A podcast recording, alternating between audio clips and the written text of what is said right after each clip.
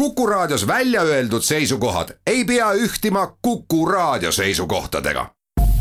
Te kuulate Kuku Raadiot. spordireporter. spordis kruvib pinget, Pahv üksteist ning seitse ja pool minutit on saanud kell, täna on kahe tuhande kahekümne esimese issand aasta juulikuu kolmeteistkümnes päev. tere kuulama spordireporterit järjekorranumbriga kakssada neliteist. kuulama kutsuvad teid Järve Lott, Tallinn, Susi Joosep, samuti Tallinn. Haaksõna spordireporter töötab Twitteris nii nagu ikka, selle kaudu saab meil esitada küsimusi, mõtteid, tähelepanekuid, millele vastamise võtame ette pärast poole kaheteistkümneseid uudiseid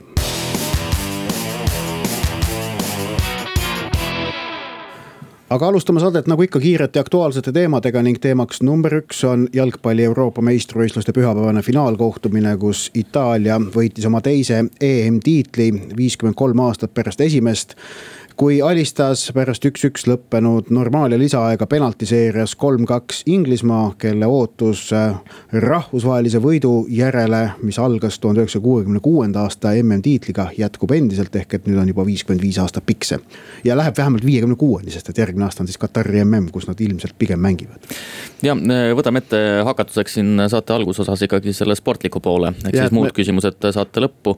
aga alustada võiks ikkagi sellest, et kui vaadata tervikuna turniiri turniiri, siis väidaksin kohe alguses, et finaalis olid omavahel vastamisi turniiri kaks kõige paremat meeskonda ja kaks kõige küpsemat meeskonda, vaatamata Täiesti sellele. vaatamata sellele, et kui me tõesti vaatame eh, inglaste koosseisu, kes on platsil, noh, alustada võiksime sellest, et täiesti seenior mängija. sisuliselt kõige vanem mängija, selline tõesti ikkagi arhailine kuju juba platsil. Harry Maguire on kahekümne kaheksa aastane. ülejäänud on sellised noored kutid, kes siin platsil ringi jooksevad, okei okay,, Kyle Walker natukene üle kolmekümne, aga, aga see on teine asi. Ehm, nii et eh, vaatamata sellele sellele noorusele kaks väga küpset äh, meeskonda olid vastakuti terve turniiri lõikes, näitasid väga kvaliteetset, ratsionaalset mängu, olid äh, kaitses väga kindlad ja samamoodi ka jah, äh, ründefaasis Kahtle, teravad. jah, kahtlemata need kaks võistkonda väärisid finaali kohta selgelt kõige rohkem, ma olen kuulnud pära, päris palju pärast seda noh penaltit, mis oli pehme äh, poolfinaalis, mis inglastele määrati, see oli pehme, aga, aga mida rohkem ma kordusi olen vaadanud, seda nagu rohkem ma näen, et seal on ka põhjuseid see penalti määrata, et Taani kaitsjad olid seal, jäid hiljaks ja olid lohakad. et ma olen nagu näinud päris palju jutte, et noh, et, et, et Taanilt rööviti finaali koht, kaugeltki mitte. Taani ei väärinud kohta finaalis, sellepärast et poolfinaalis alates kuuekümne viiendast minutist olid nad väga-väga halvasti mängisid. jah, aga kui vaadata ikkagi finaali, siis äh, taaskord äh, Garrett Southgate äh, natukene varieeris oma taktikalise plaaniga, lähenes. alguses töötas see briljantselt, esimesed kolmkümmend minutit no võiks isegi öelda, et kogu avapoolaeg kuulus no, Inglismaale. et see palli valdamisprotsent, mis lõpuks oli Itaalial kuuskümmend kuus, see on täiesti loomulik, et kui meeskond lööb värava teisel minutil finaalis, et siis äh, ta pigem loovutab selle palli. aga tõepoolest teine poolaeg see pilt muutus ja, ja inglased vajusid ikkagi väga-väga kaitsesse ära.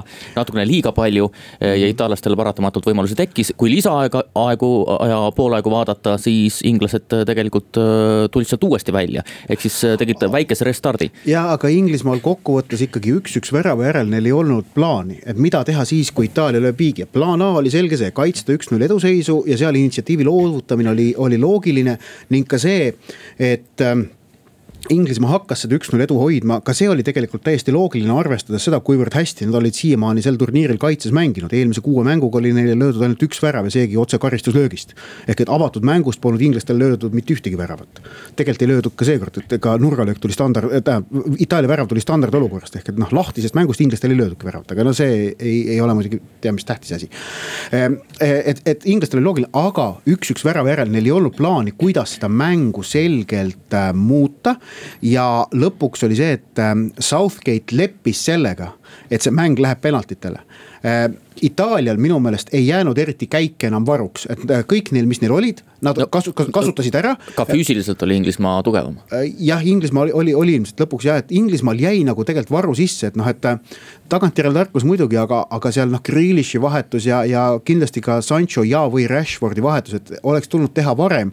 ja, ja proovida seda mängu lisaajal võita, selge see, et noh, Southgate lootis, ei tahtnud ka riskida ühtepidi.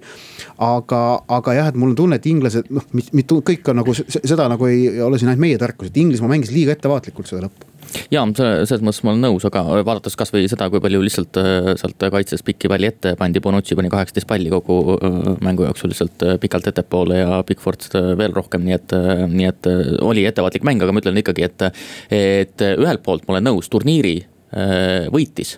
Turniiri parim meeskond ja, ja finaali vastane oli turniiri paremusel teine meeskond, aga ja. inglastel lisaajal tegelikult tahtmine tekkis mingil hetkel ja, ja nad ka valdasid palli ja üritasid ja tegelikult paar sellist noh, võimalust tekkis Stonesil näiteks ja, ja nii edasi. aga, aga noh, selles mõttes tiitel läheb õigesse kohta. ja, aga ma tahan veel kaks asja öelda, esiteks see, et penaltid ei ole õnnemäng, vaid kindlate tingimustega võistlus, mis paneb proovile eelkõige vaimujõu ehk et mingit loterii juttu, mind alati ajab see natukene isegi närvi, kui ma kuulen seda ja lisaks ma tahan siis öelda veel seda, et ja Inglismaa küll kaotas selle finaali ja, ja leppisid hõbemedaliga. Aga kokkuvõttes on nad viimase kolme aastaga enda staatust maailmakoondise jalgpalli äh, maastikul selgelt muutnud ja tõstnud, et varasema luuseri asemel on tegemist nüüd ikkagi väga selgelt tipptegijaga. Nad on ainukene koondis, kes jõudis poolfinaali nii äh, eelmisel MM-il kui ka nüüd EM-il jah, nii on. aga jalgpallist räägime selle äh, saate vältel veel, läheme teemadega edasi. teine teema, Wimbledoni tenniseturniiri meesüksikmängu võitis kolmekümne nelja aastane serblane Novak Djokovic, kellest sai ajaloo kolmas meestennisist, kes võitnud kakskümmend Suure Slami turniiri. ehk siis äh, kolme suure vahel seis võrdne, Nadal, Federer ja Djokovic. Äh, üheksa korda Austraalias võitnud, Wimbledonis võitis kuuendat korda Djokovic, lisaks on tal kolm USA lahtist, kaks Prantsusmaa lahtiste võitu ja pühapäevases finaalis samuti Londoni lähistel. Eh, alistas ta Matteo Berrettini, kusjuures avasiti kaotas kiires lõppmängus, kolm järgmist võitis kuus-neli, kuus-neli, kuus-kolm. ja kui tegin natukene statistikat, siis eh, viimased kakskümmend kaheksa Suure Slami turniiri kakskümmend kaheksa Suure Slami turniiri, Novak Djokovic on võitnud neist pooled mm. -hmm. mis tähendab, et Djokovic on ikkagi viimastel aastatel olnud vähemasti tulemuste osas number üks, räägib tagu eh, Nadalist, Federerist kui palju tahes. ja, ja ma ütlen veel nii palju, Nadal on temast aasta vanem, aga Federer kolmkümmend üheksa ja vaadates, missuguse hooga Djokovic neid turniire võidab siis eh, no see eh, jutt, et seal kakskümmend viis Suure Slami turniiri võitu võib eh, Djokovicist kokku tulla, see on täiesti normaalne. ja kindlasti oluline osa on ka see, et tänavusel aastal on kolm Suure Slami turniiri toimunud, kõik kolm on võitnud Djokovic ja siin on mitu asja, esiteks see, et, et Itaalial oli siis pühapäeval Londonis kaks finaali, Wimbledoni finaal ja, ja jalgpallifinaal. kui neil oleks olnud pakutud, et noh, ma arvan, nad on rahul sellega, et nad võitsid selle, selle hilisema mängu jah, et niipidi läks, et, et teistpidi pigem.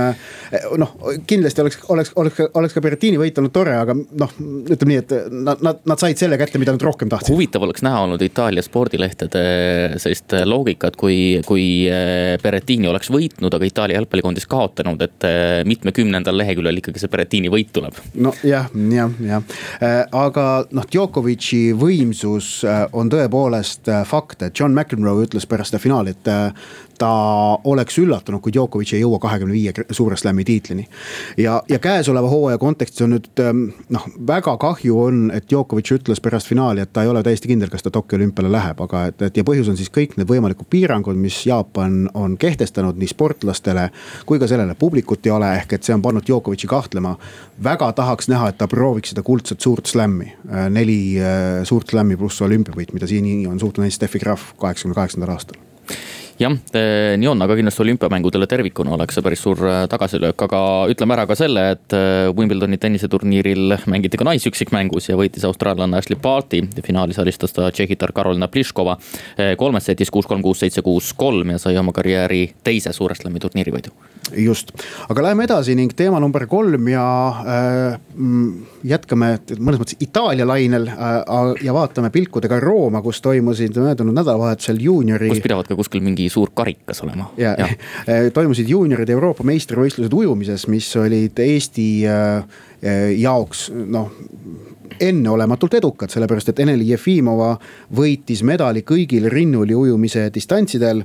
viiekümnes meetris pronksi, kahesajas meetris hõbeda ning sajas meetris äh, kuldmedali äh, ajaga üks null seitse koma kakskümmend neli ja kuld, hõbe ja pronks äh, saavutatud, siis Jefimova ise nentis, et ta oli mõnevõrra nagu pettunud, et ei tulnud mitte ühtegi isiklikku rekordit.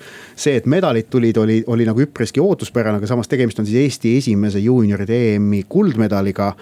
ja noh, kokkuvõttes see kõik nagu ainult et äh, ka, ka, ka Jefimov enda retoorika ja tema treeneri Henri Heina jutt pärast seda võistlust nagu kinnitab, tegemist on väga kõrgete ambitsioonidega sportlasega. ning Eesti ujumise jaoks on see minu meelest nagu noh, suurepärane, et tema ja Gregor Tsirgi näol on olemas sellised kaks nagu selgelt väga kõrgete ambitsioonidega noort sportlast, noh Jefimov on küll selgelt noh, veel, veel palju noorem kui Tsirk. Tsirk on kakskümmend kaks siis. jah, aga, aga mõlemad on ikkagi noh, selgelt, selgelt sellised ähm, nooremapoolsed sportlased. Äh, ja, ja äh, ujumises muud moodi ei saagi, kui niivõrd kõrge ambitsiooniga, tegemist on selles mõttes maailmas nagu noh, väga kõva alaga. ja, ja nüüd ma loodan, et Jefimov ja Tsirk moodustavad sellise ähm,, sellise noh platvormi, mis annab lootust, et Eesti tippujumisel tekiks taas äh, kokkupuude maailma tipuga, mida tegelikult äh, no sellist nagu otsest kokkupuudet pole ikkagi väga olnud, sellepärast Eesti ujujad MM-idel tuletame meelde, ainukene finaali koht äh, pikaraja MM-il Eesti ujumisel pärast iseseisvuse taastamist on olnud Jana Kolukanova kahe tuhande viienda aasta äh, MM-i finaali kaheksas koht viiekümne meetri vabaujumises. et Eesti ujuja MM-finaalis, see oleks vägev jah, et äh, kui me vaatame siis äh, Triin Aljandi medaleid, mida on päris palju ja mille üle loomulikult oleme ka uhked, et äh, siis. Need olid kõik lühiajal. Jah, ja Euroopa meistrivõistlustel. Ehm, aga läheme edasi ja räägime kergejõustikust. nimelt Kadriorus lõppesid ühed tiitlivõistlused, algavad teised. U kakskümmend kolm Euroopa meistrivõistlustel Eesti perspektiivist jättis kindlasti jälje, et Nazarov kaasa ei teinud vigastuse tõttu. aga Erik Haamer teivashüppes sai seitsmenda koha tulemusega viis viiskümmend, kaugushüppes Liis-Anna Ilves jõudis finaali ja finaalis hüppas kuus nelikümmend kaks, sai sellega kuuenda koha, et nende Haamer eh, tulemustega võib jääda rahule. Eh, võiks öelda kokkuvõttes, et hea esitus, eh, kindlasti mõlemad ise noh mõtlesid medalile mingil määral. E, ja nüüd algavad siis e, Kadrioru staadionil U kakskümmend Euroopa meistrivõistlused. E, kokku osaleb Eesti koondise koosseisus kolmkümmend üheksa noorsportlast, tõsi, noh, lõviosa neist on wildcard'iga pääsenud peale, ehk siis tegelikult sportliku printsiibi alusel. tulemusega, mis, et nende tulemus on see, mis tegelikult neid EM-ile ei tohiks viia. jah, aga see on korraldajariigi võimalus ja kindlasti suurepärane, kui kodupubliku ees on võimalik tiitlivõistlustel võistelda, see on kindlasti suurepärane kogemus. aga sa ütlesid nüüd kodupublik ja küsimus, et palju seda kodupublikut on praegu Kadriorus olnud, ma olen aru saanud, et pigem vähe. ning teine asi on see, et publiku jaoks on selle võistluse jälgimine ebamugav. ja äh, palavus, halb positsioon pilet on viisteist eurot üks päev, äh, maski tuleb kanda, Euroopa Kergejõustiku Liidu nõue, et Eesti publikut sisuliselt ei ole ja sellest on kahju küll. teeme nüüd pausi ja siis räägime rallist. spordireporter spordis kruvib pinget, Pahv ülehomme algab autoralli maailmameistrivõistluste hooaja teine pool. teist korda võõrustab maailma paremiku Lõuna-Eesti ehk siis Rally Estonia. no paljud Eesti äh, autospordihuvilised on kindlasti juba nädalaid-nädalaid äh, pingsalt äh, valmistunud, on kerge närvipinge juba sisse tekkinud. aga poole hooaja järel, kuue etapi järel Sebastian Ogier juhib maailmameistrivõistluste sarja saja kolmekümne kolme punktiga, Elfin Evans on teine, kaotab kolmkümmend neli punkti, Neville'il on seitsekümmend seitse punkti ja neljandal kohal Ott Tänak, autoralli maailmameister, tal on kuuskümmend üheksa punkti, ehk siis vahe on juba kuuskümmend neli punkti liider Ogier'ga no see, see ei ole, on ju ühegi raadiokuulaja jaoks uudis, et Tänaku seis käesoleva MM-sarja kontekstis on väga-väga keeruline ning noh, MM-tiitel, mis kahtlemata tema siht hooaja eel oli on ilmselt võimalik ainult siis, kui ta alles jäänud kuuest rallist noh, peab võitma ilmselt vähemalt neli, pigem viis ja, ja seal muud tulemused peavad ka nagu natukene veel klappima, ehk et noh, väga-väga vähetõenäoline. aga seda tähtsam kahtlemata on selle koduse ralli võitmine ka emotsionaalselt eh, kindlasti talle endale, eh, Hyundai meeskonnale, aga samuti ka Eesti, Eesti rallispordi sõbrale, aga mis nüüd Rally Estoniat veel puudutab, ma ühe asja tooksin veel välja, et et mis nagu, kui me mäletame, meenutame eelmise aasta Rally Estoniat, mis oli siis esimest korda MM-sarjas, siis noh, sellele eelnes ikkagi võib öelda nädalatepikkune asiotaaž. Äh, mida kahtlemata võimendas toona ju ka see äh, korraldustiimi tüli Eesti Autospordi Liiduga ja noh, kõik, mis selle, see endaga kätkes. aga eelkõige ka see, et mitte midagi muud spordis tegelikult ju eriti ei toimunud, sest oli noh koroonajärgne suvi ja see oli spordist lage praegu on nagu kõik tulnud hoopis loomulikumalt ja rahulikumalt ja Rally Estonia on ennast nagu korraldanud ja andnud teada, mis jälle toimub. aga kõik nagu juhtub nagu rahulikult, sest muu sport toimub õnneks ka, et noh, meil oli praegu oli jalgpalli suurturniir ja, ja siin on ka muid sündmusi olnud. ja kümne päeva pärast algavad olümpiamängud just nimelt, et, et, et, et, et, et see ralli on nagu praegu olnud äh, hoopis äh,, kuidas öelda, rahulikumalt selles meie spordipildis sees, mis on nagu väga noh, selles mõttes väga hea, et meil on muid asju ka, aga ühtlasi tahaks loota, et, et, et see tõesti ka nii on, et see, et see ralli jääbki selliseks loomulikuks osaks Eesti spordikalendrist. jah, see on kindlasti üks tasand, et miks seda äh, Rally Estoniat pole sedavõrd palju pildis olnud. tõepoolest EM, olümpiamängud algavad ja nii edasi, aga teine külg on väga lihtne. Ehm, see toimub juba teist korda. ehk siis, kui tänavusel aastal oleks Rally Estonia esimest korda, ehm, siis ma arvan, et see pilt meediamaastikul oleks ka teistsugune. ma korraks ikkagi tuleksin selle äh, sportliku poole peale nii-öelda äh, tagasi, ehk siis äh, kui me vaatame Tänaku hooaega, siis tegelikult Tänaku hooaeg on olnud väga sümpaatne. ta on Hyundai'ga leidnud väga hea kiiruse. kolm korda vähemasti on olnud esikohal, kus on tulnud siis kas mingisugune tehniline rike või, või mistõttu on ta esikoha kaotanud. Ehm, aga teiselt poolt jah, ikkagi see Hyundai ehm, vastupidavus, kuidas masin vastu peab, see on üks põhilisi küsimusi, nii et kui vaadata, vaadata, et kes on selle ralli favoriit, siis ühelt poolt mullu võitnud Tänak kindlasti, aga paljud ka on skeptilised, et kas Hyundai ikkagi peab vastu ja teiselt poolt nagu eh, Tänak ise on väitnud äh, sponsorile antud intervjuus, siis Hyundai'ga on algusest peale olnud keeruline kiiretel rallidel Toyotaga konkureerida. kuid eelmine aasta tegime selles osas head tööd, selleks aastaks on nad kindlasti reageerinud ja konkurents saab olema tihe. nii et ma arvan, et me näeme Eesti rallil ikkagi Hyundai ja Toyota väga korralikku heitlust. Eesti Ekspressile andis intervjuu Toyota tiimiboss Jari-Mati Latvala, kelle käest küsiti lõpetuseks, kes võidab Rally Estonia, siis tema vastus oli, et Tänak on väga tugev. Äh, aga on veel üks sõitja, et Kalle Rovampere ja, ja tema arvab, et nende kahe seast tuleb äh, Rally Estonia võitja. noh, ma noh, Latvala vastus e eeldab siis seda, et keegi nagu tehnilise probleemiga on ju välja ei lange, et see on nagu noh, loogiline, et kui keegi langeb tehnilise probleemiga välja, siis see ring paratamatult laieneb, on ju. Äh, aga noh, tegelikult kokkuvõttes on Sebastian Ogier ju läbi terve hooaja näidanud, et noh, noh ta on, on, on tohutult tark sõitja, noh, no ka see, selles samas intervjuus, ma soovitan lugeda seda Latvala intervjuud, et ka seal, kuidas ta Ogier fenomeni lahti seletab, kuidas nagu Ogier ennast Keenias võidule, võidule sõitis, et, et noh, targa sõiduga jah, lisaks ütles Latvala muidugi ka seda, et äh, Toyotaga jätkates oleks Tänak võitnud veel ühe MM-tiitli praeguseks hetkeks juba, nii et äh, jah, äh, siin on ju mõndagi. aga Colin Clark näiteks, kuulus äh, ralli ajakirjanik, on siis hooaja poole peal teinud kokkuvõtted ja reastanud siis äh, kõige äh, paremad tal, sõitjad. tal on kombeks ja koostada selliseid edetabeleid, et ta annab iga ralli järel ju hindeid kõigile nagu, sõitjatele. nagu sina postuleerid protsente. no just, just, just ja, ja, ja siis ta nüüd tõesti hooaja ekvaatoril pani paika sõitjate edetabeli selle esimese hooaja poole põhjal ja noh, Tänak sai seal päris madala koha. madalama koha, kui on tema koht MM-tabelis. E, jah, ta oli kuues siis, e, küll aga e, igast loogilistel põhjustel, et tõesti, et tehnilist praaki on olnud Hyundai'l palju, palju ja ebaõnne on olnud palju, aga Clark ütleb ka kuna pooled alles, alles jäänud etapid on asfaldil, on Tänakul raske tiitliheitusesse tagasi tõusta kui on aga keegi, kes suudaks kõik kuus tulevat rallit võita, siis on see Tänak. ütleme ära ka siis, kuidas nagu jaotusid kohad Tänakust eespool, et. et kui Tänaku taga seitsmendal kohal on Gus Greensmith ja kaheksas Kalle Rompera, siis ettepoole läheb niimoodi selles Clarki edetabelis, viies Thierry Neuville, neljas Elfin Evans, kolmas Adrien Formeau ja siis, siis on põnev, teine Clarki edetabelis on Sebastian Ogier ja esimene on Takamoto Katsuta igati äh, õigustatud. jah, ja, ja, ja see on, äh, vaat noh, see nagu annab aimu ka, et mille põhjal nagu Clark on selle äh, edetabeli kokku pannud, et see on ka nagu ootushorisonti arvestanud. ja muidugi Katsuta tõusmine, kui Katsuta tõudaks, suudaks tõusta tiitliheitlusesse, see oleks autoralli MM-sarjale ülimalt tähtis. aga üks väike tsitaat veel sellest intervjuust Betsafe'ile Ott Tänakult. Tänak ütleb, parim lahendus oleks see, kui rallid muudetakse lühemaks, kompaktsemaks ja toimuksid kahel päeval, pikad üritused muutuvad alati lõpuks igavaks ja üksluiseks, spordi puhul on samuti ikkagi oluline, et võistlus oleks kompaktne ja põnev, praegune formaat on juba kümneid aastaid vanu. teeme pausi. spordireporter. spordis kruvib pinget, Pahv spordireporter jätkab oma saate teise poolajaga ning kolmas veerandaeg on nagu ikka meil kombeks pühendatud kuulajatelt laekunud küsimustele. Joosep Susi Ott Järvela mõlemad jätkuvalt Kuku raadio Tallinna stuudios. ning äh, alustame jalgpalli küsimustega, mida meil on päris mitu Äh, tõsi, EM-finaalturniiri puudutab neist ainult esimene, mille on esitanud Indrek Praha Uulitsa kohvikust. ma kadestan Indrekut, et ta saab istuda Praha Uulitsa kohvikus, need on äh, võluvad paigad. Äh, hea menüüga.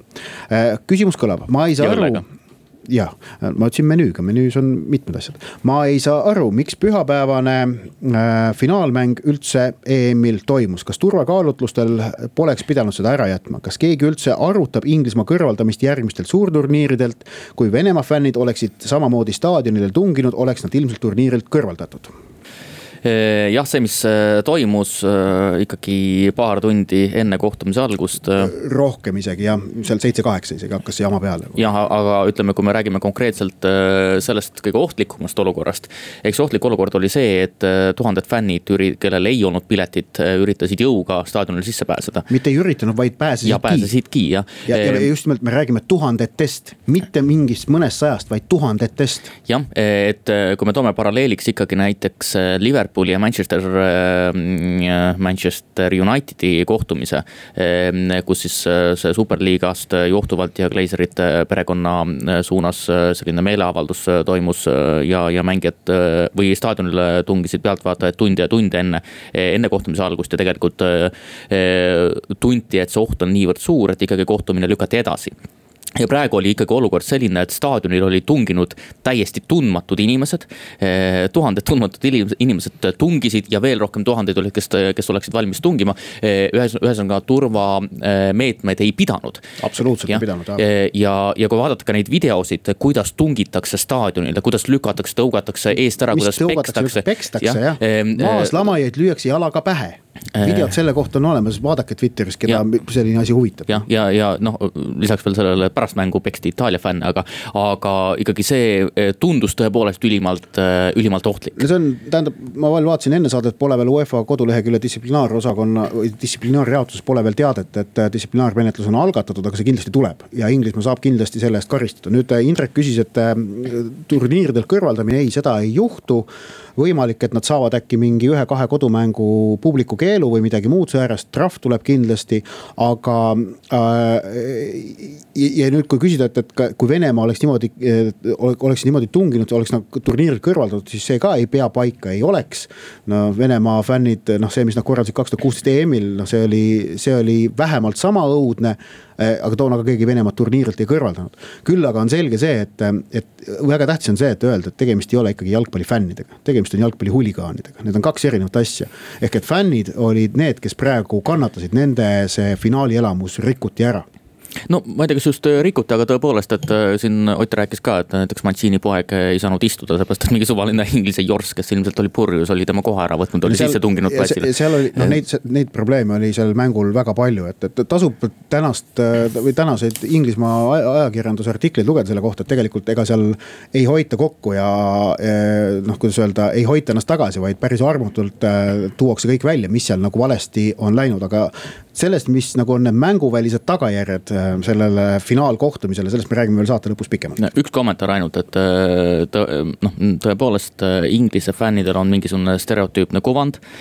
mis vahepeal hakkas kaduma. ehk siis võib-olla isegi Amsterdami Ajaxi fännid ja need olid paiguti isegi hullemad.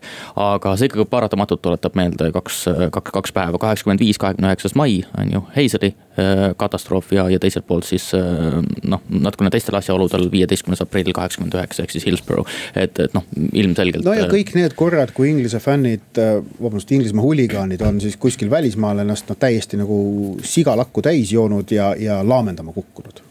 Robert on esitanud küsimuse, küsimus, mis eelkõige suunatud Otile oled päris sageli rõhutanud, et erinevalt Cristiano Ronaldost pole Lionel Messi suutnud koondisega suurturniiri võita ja see on üks väga selge põhjus, miks Ronaldo on parem jalgpallur. kas Argentiina võit Copa Americal tähendab, et see enam nii ei ole? ma olen üha, juba enne seda, kui nüüd Lionel Messi ja Argentiina Copa America laupäeval võitsid, finaalis alistati üks-null Brasiilia Äh, ma siin juba mõnda aega olen tõdenud, et Messi ja Ronaldo võrdlemine on muutunud üha absurdsemaks ja olen ka sellest ise proovinud jõudumööda hoiduda. Eh, aga kahtlemata see Messi võit Copa Americal, see on väga märgilise tähendusega sündmus ja, ja kes on arvanud, et see ei olnud tema enda jaoks teab mis suur probleem, et ta pole Argentiinaga midagi saavutanud.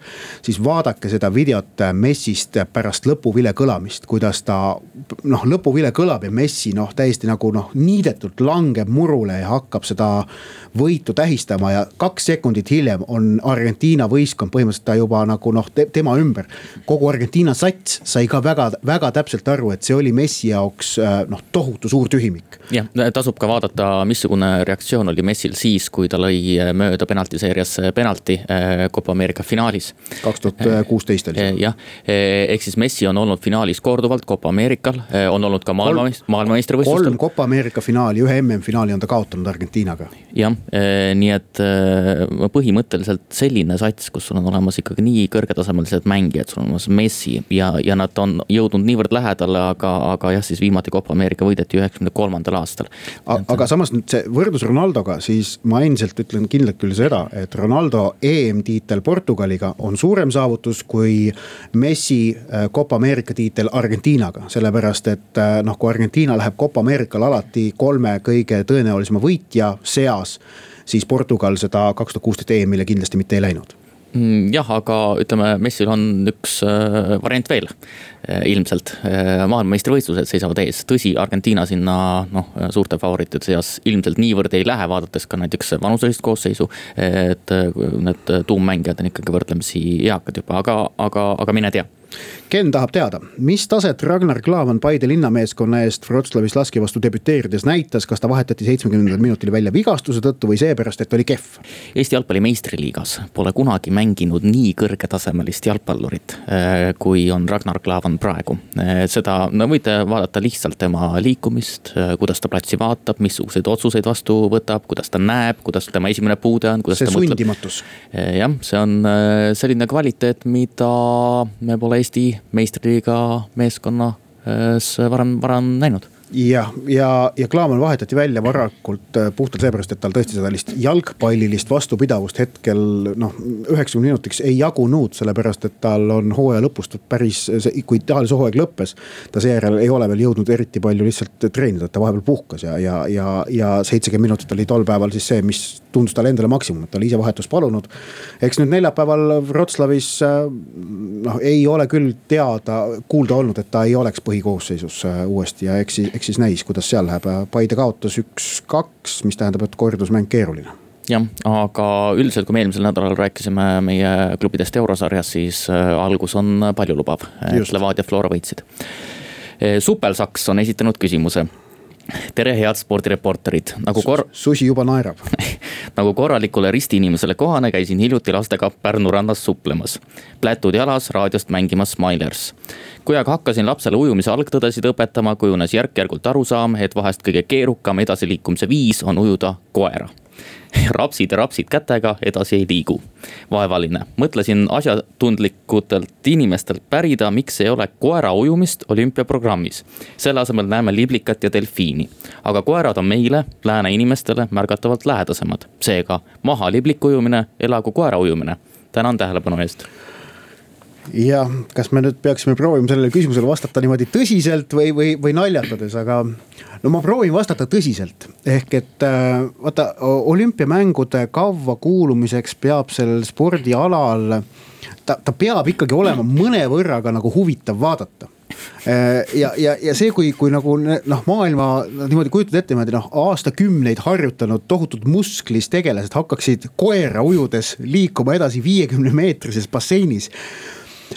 seda oleks vaadata võib-olla mõnevõrra amüsantne, aga mitte, ehk et eh, ma, ma tooksin siin äkki paralleeli sellise asjaga, et eh, noh, sellist show võistlust võiks äkki isegi korraldada umbes korra aastas, kus nagu maailma parimad ujujad ujuvad koera. et äkki sellele nagu oleks vaatajaid, aga, aga ma arvan, sellele ka see, see, sellega see kõik ka piirduks, aga sa nüüd proovi naljatades vastata. ei, ega minu arust siin naljaküsimust ei ole, et ma ise olen proovinud küll ka viimasel ajal koera ujuda, on tõesti päris keeruline edasi liikuda.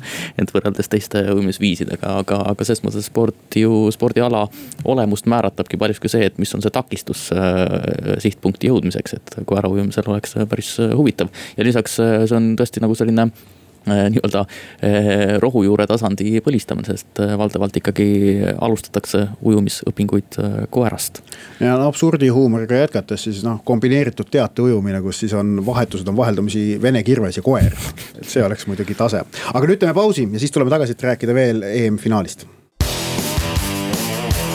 spordireporter. spordis kruvib pinget, Pahv spordireporter alustab oma lõpusirgega ning räägime veel jalgpalli Euroopa meistrivõistluste finaalkohtumisest ning selle tagajärgedest, aga siis nendest tagajärgedest, mis on nii-öelda mänguvälised. et alustada Itaaliast, kes selle turniiri ja finaali võitis, siis ma arvan, Itaalia jaoks sellised mänguvälised tagajärjed on üpris väikesed, aga see-eest väga rõõmsad, ehk et see riik on nüüd mõnda aega väga-väga õnnelik ja väga uhke, seal nüüd hakatakse tähistama seda itaallased oskavad. ja, aga ma tuleksin korraks tagasi ühe intervjuu juurde, nimelt äh, kui äh, Itaalia kaotas otsustavas play-off mängus Rootsile, äh, ei pääsenud maailmameistrivõistluste finaalturniirile. siis oli pisarates intervjuu Gianluigi Buffoniga ja Buffon ütles, et meil mängijatest on ükskõik, see oli mu karjääri viimane mäng, sest on ükskõik, aga vaadake, mis praegu toimub Itaalia ühiskonnas, et kogu see ühiskond tegelikult vajas seda, et me pääseksime finaalturniirile. et me vedasime tegelikult kogu Itaalia riiki alt. ehk siis Itaalias ei ole võimalik äh, ikkagi neid äh, sotsiaalseid, ühiskondlikke protsesse äh, niivõrd järsult jalgpallist eristada. et ma arvan, et see on ähm, väga selline positiivne tõuge paljudes teistes sfäärides Itaalia ühiskonnas aga nüüd räägime äh, finaali kaotaja, Inglismaa äh, mänguvälistest tagajärgedest, mis äh, on kindlasti negatiivsema, negatiivsed eelkõige Äh, tõsi, seal on ka positiivseid nüansse, aga eelkõige siiski negatiivsed ning mis, mis, äh, mis toovad siis kaasa minu arust selle, et üks asi on see, et Inglismaa mängis nüüd selgelt maha oma võimaluse. no ma loodan, et nad mängisid maha, see oleks õiglane äh, võõrustada kahe tuhande kolmekümnenda aasta MM-finaalturniiri, mis on seal nii riigijuhtide kui ka jalgpalliliidu poolt seatud üheks eesmärgiks seda koos Iirimaaga võõrustada. see protsess näeb välja teatavasti selline, et et no üldiselt on see, et, et äh, iga maailmajagu lõpuks paneb välja enda poolt ühe, maksimaalselt ühe kandidaadi. ehk äh, Euroopal on vaja valida, kes sinna võitlusesse saadetakse. pea, ütleme üks kindel, kes tahab kahe tuhande kolmekümnenda aasta MM-i on Lõuna-Ameerika ühispakkumine Uruguay, Argentiina, Tšiili. ehk et viia MM tagasi sinna, kus ta sada aastat tagasi algas, et seal on nagu selgelt nostalgiline, romantiline lugu on seal taga. Ähm, Euroopa poolt äh, on Hispaania ja Portugal avaldanud soovi ja Hispaania ja Portugal on ennast näidanud viimasel ajal väga eeskujulike võistluste korraldajatena, eriti Portugal, kel, kes on nüüd kaks aastat järjest võõrustanud meistrite liiga finaali. ja, ja saanud sellega väga edukalt ja hästi hakkama. ehk et äh, ma usun küll, et äh, inglastel on väga keeruline Euroopa-sisest võitlust võita, et üldse sinna kandideerima pääseda ja teiseks äh, noh. see, see, see, kuidas nagu nad põrusid, see on nagu kõigil niivõrd selgelt silme ees.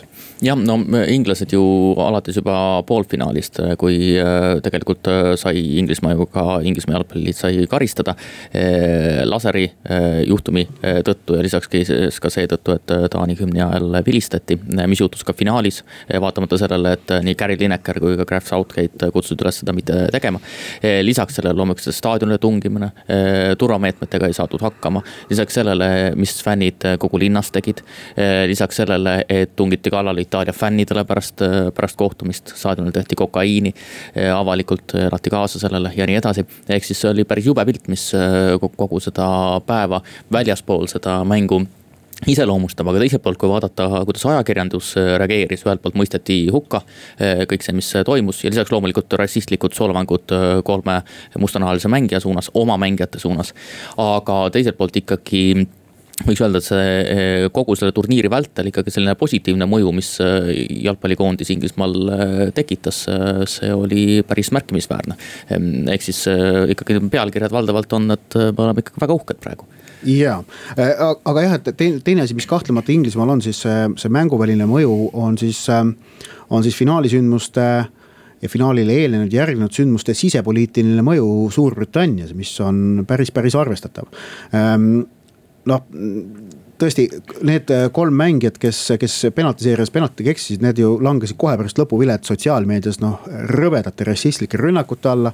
ja siis hakkasid neid hukka mõistma peaminister Boris Johnson, samuti äh, siseminister Briti Patel, Patel. ja siis siin on nüüd noh, kui, kui Inglismaa koondise jalgpallur Tyrone Mings on nüüd kõige otsekohesemalt seda öelnud, et, mida see Patel mögiseb.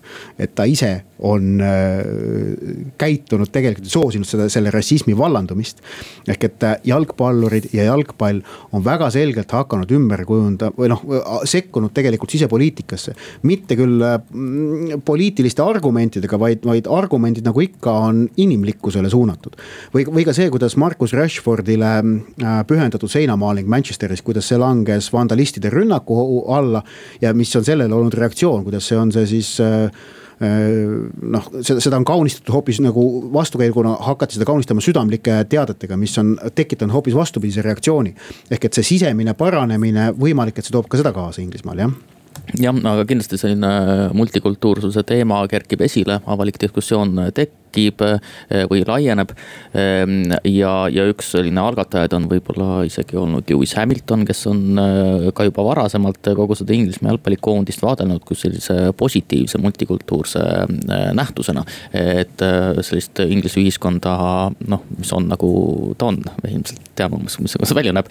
et, et see on nagu hea näide sellisest heast integratsioonist ja Ehm, aga muidest mäng, muudest mänguvälistest ähm, nüanssidest, mida siis EM-finaalturniir kaasa tõi, rääkides, siis esiteks kindlasti, et eksperiment üle kontinendi laotatud finaalturniiriga pigem ebaõnnestus. Ja seda no UEFA ütles ka välja, et nad korrata ei soovi Äh, on teada, et juba kolme aasta pärast järgmine EM-finaalturniir toimub Saksamaal, seda kindlasti oodatakse pikisilmi igal pool, sest et sakslaste suutlikkus jalgpallipidu korraldada ei ole kahtluse all. ning äh, kahe tuhande kahekümne kaheksanda aasta EM-i korraldaja osas, seal on veel paar aastat aega, kuni see ilmselt otsustatakse. ja, ja üks asi, mida kindlasti tuleb rõhutada siis ka see, et, et jalgpalli, tippjalgpalli eksisteerimine koroonaviirusega toimetulevas maailmas, et.